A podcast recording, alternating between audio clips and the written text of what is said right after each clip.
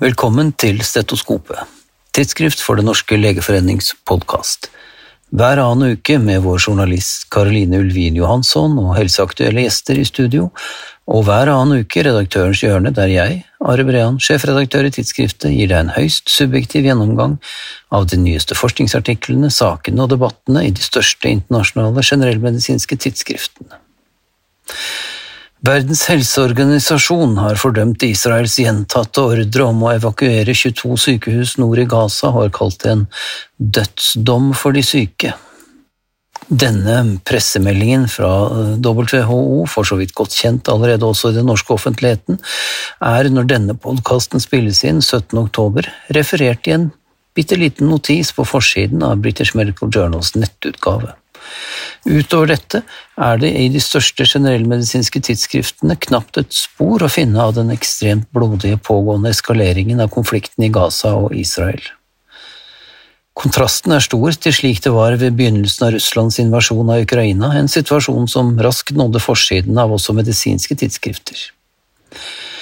Kanskje er det ikke så rart, for mens det var lett å ta stilling i krigen som for tiden foregår nordøst på vårt europeiske kontinent, er situasjonen i Israel-Palestina-konflikten langt mer kompleks både historisk, politisk og religiøst. Likevel, lidelsene for sivilbefolkningen er langt på vei de samme, og de helsemessige konsekvensene er grusomme, noe Verdens helseorganisasjons pressemelding referert i British Medical Journal minner oss på. Leger og sykehusansatte i Gaza står overfor et pinefullt valg, skriver Verdens helseorganisasjon. De kan enten forlate kritisk syke pasienter midt i et bomberegn, risikere sine egne liv for å fortsette å yte omsorg på stedet, eller sette pasientenes liv i fare mens de forsøker å transportere dem til andre sykehus som ikke har kapasitet til å motta dem. WHO har også gjentatt sin oppfordring om å tillate medisinske forsyninger, drivstoff, rent vann og mat til Gaza. Nok om det, men vi skal holde oss til krig og elendighet, eh, om enn indirekte, en liten stund til, for eh, The Lancet fyller 200 år i disse dager, og markerer det med en serie både artikler, videoer, podkaster og grafikker. Med de pågående krigshandlingene i minne er det verdt å stoppe opp et øyeblikk ved noen av de artiklene Lancet selv trekker frem som viktige i disse 200 årene. Nemlig artikkelen fra 1847 som beskrev det helt nye og revolusjonerende anestesimiddelet kloroform, og dertil artikkelen fra 1847 også, der Josef Lister for første gang presenterer det antiseptiske prinsipp i kirurgien samt artikkelen fra 1915 som beskriver granatsjokk, dets årsaker og konsekvenser, og ikke minst artikkelen fra 1940 der de kjemiske og biologiske egenskapene til det nyoppdagede penicillinet beskrives. Hva har så alle disse fire artiklene, fremhevet av Lancet selv, til felles? Jo, de har hatt stor betydning for å minske lidelser og dødelighet av ikke minst krigshandlinger. Over til akutt hjertestans, der overlevelsesraten eh, varierer betydelig både mellom land og mellom regioner innad i et land. Mye av dette skyldes naturlig nok ved hjertestans utenfor sykehus, ulike ressurser og ulik infrastruktur. Og svært mye av denne type høyspesialisert akuttbehandling, f.eks. ved hjerteinfarkt og komplekse traumer, har etter hvert blitt mer og mer sentralisert ut fra erfaringen av at sentralisering gir økt volum, mer trening og dermed høyere overlevelsesgrad og bedre utkomme. Men gjelder det samme for akutt hjertestans som har blitt resuscitert? Tja, enkelte observasjonsstudier kan tyde på dette, men man har ikke hatt noen randomiserte prospektive studier på nytten av behandling ved dedikerte, sentraliserte enheter ved hjertestans utenfor sykehus. En studie nylig publisert i The Lancet er derfor den første. I denne prospektive, parallelle, multisenter, åpen, randomiserte overlegenhetsstudien ble 860 pasienter som hadde blitt resuscitert etter akutt hjertestans utenfor sykehuset i London mellom 2018 og 2022 inkludert. De ble etter resuscitering i ambulanse randomisert til enten å bli fraktet til nærmeste av Londons 32 sykehus eller til et av Londons syv spesialiserte hjertestanssentra. Primærendepunktet var død av alle årsaker etter 30 dager. 30-dagersdødeligheten i begge gruppene var helt lik, 36% og det var heller ingen forskjell i komplikasjonsraten, kanskje overraskende nok. I denne studien altså syns ikke spesialiserte hjertestanssentre å representere noen fordel fremfor standardbehandling ved nærmeste sykehus. Back to basics er konklusjonen i en ledsagende kommentarartikkel i The Lancet, eller det enkle er ofte det viktigste, kan man også si. Nå kan selvsagt den eksterne validiteten til disse funnene diskuteres, sagt på en annen måte, om denne sannheten er like sann i Lofoten som i London. Det får senere studier svare på. Uansett er studien interessant, ikke minst i et grisgrendt land som vårt, der sykehusstruktur er et evig tilbakevendende tema. Vi skal holde oss i The Lancet enda litt, men nå skal det handle om en ny studie som har sett på den globale forekomsten av prematur fødsel. Anslagsvis 13,4 millioner babyer ble i 2020 født før 38. svangerskapsuke. Det tilsvarer omtrent én av ti levende født i verden, og det er skuffende nok en reduksjon på bare 0,14% siden 2010. Rundt 65% av alle premature fødsler i verden skjedde i 2020 i Afrika sør for Sahara eller i Sør-Asia, der over 13% av alle babyer ble født prematurt. Verdens helseorganisasjon har uttalt at dette viser et presserende behov for investeringer i fødselsomsorg for å sikre tilgang til kvalitetshelsetjenester før og under hver graviditet. Dette siste er det British Medical Journal som skriver. Så til den siste artikkelen fra The Lancet for denne gang, og det skal handle iallfall delvis om covid-19. Long-covid er etter hvert et etablert begrep og en anerkjent klinisk entitet. Men er nå denne tilstanden egentlig så spesifikk for covid-19? Det har flere spurt seg, og det er gjort noen få sammenlignende studier. Imidlertid har disse i stor grad vært begrenset til en sykehuspopulasjon. Denne nye studien, publisert i Lancet-tidsskriftet E-Clinical Medicine, har forsøkt å utvide blikket til også ikke-sykehusinnlagte med luftveisinfeksjoner. Utgangspunktet var en pågående populasjonsbasert britisk studie av luftveisinfeksjoner i befolkningen. Vinteren 2021 ble 1300 pasienter som hadde gjennomgått SARS-CoV-2-infeksjon og 470 pasienter som hadde gjennomgått annen akutt luftveisinfeksjon, inkludert, og disse ble sammenlignet med nærmere 10 000 uten kjent gjennomgått luftveisinfeksjon. Forekomsten av 16 ulike typiske long-covid-symptomer ble studert sammen med ulike helserelaterte livskvalitetsvariable. Forekomsten av lukt eller smaksforstyrrelser og svimmelhet var større i covid-gruppen enn i gruppen som hadde gjennomgått andre luftveisinfeksjoner.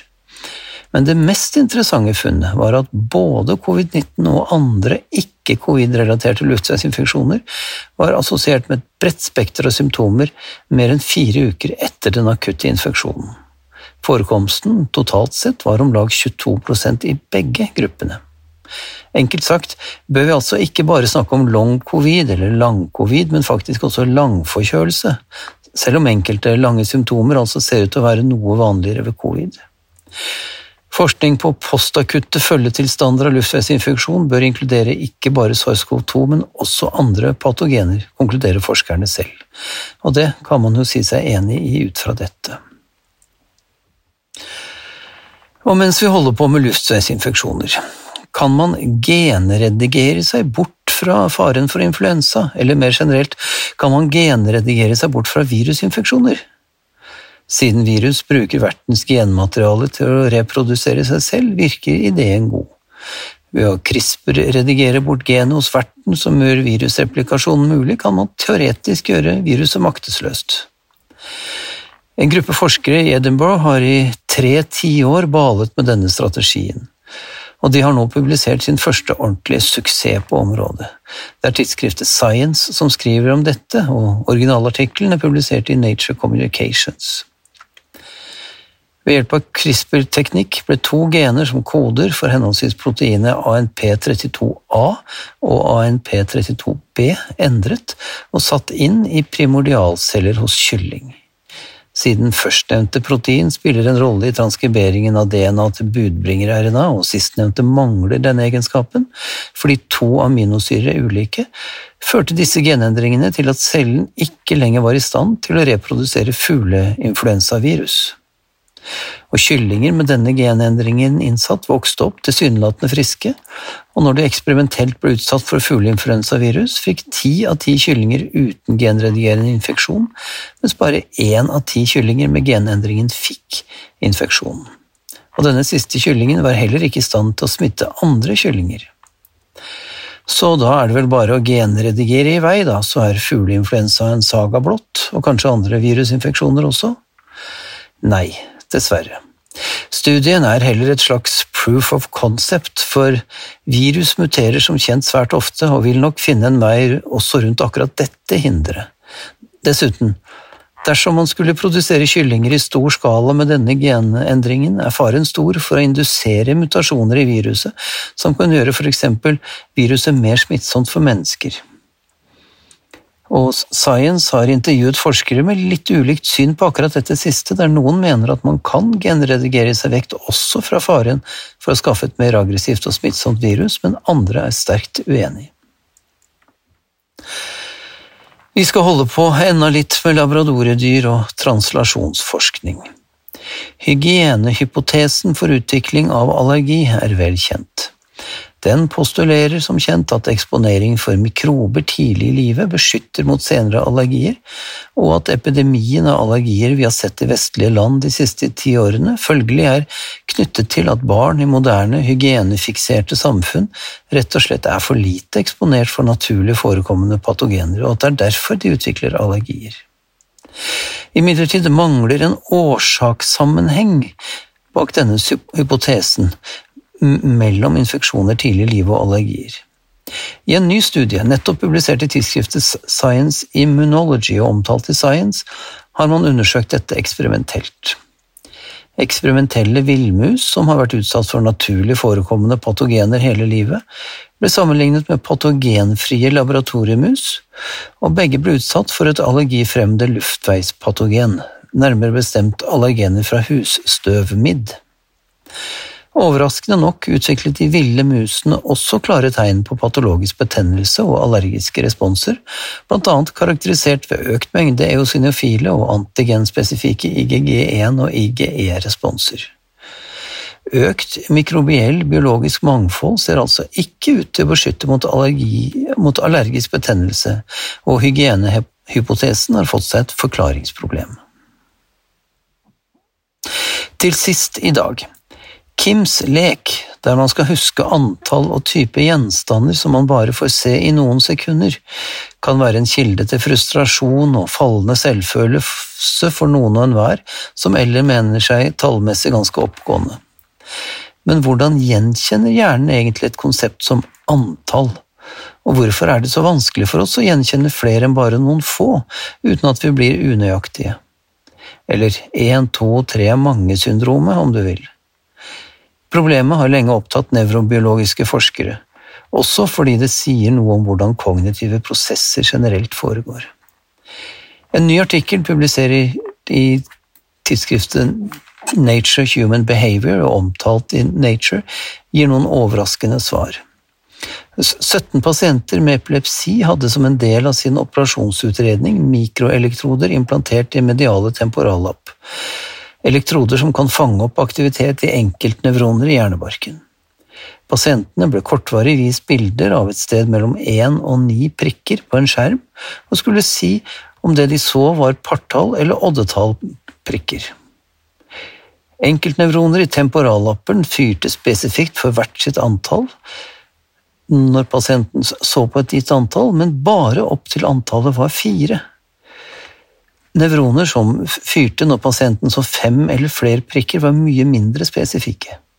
Nevroner som fyrte når pasienten så antallet fire, fyrte bare da og aldri ellers, mens nevroner som fyrte når pasienten så eksempel tallet åtte, fyrte i tillegg også når personen så antallet syv eller ni. Det ser altså ut til at høyere tall blir mer uspesifikt gjenkjennbare for oss, med en helt distinkt nevrobiologisk betinget grense ved antallet fire. Så nå vet du det til neste Kims lek. I mellomtiden kan du jo øve deg ved for eksempel å se om du husker hvor mange artikler jeg har referert til i denne utgaven av Redaktørens hjørne. Vi høres neste gang.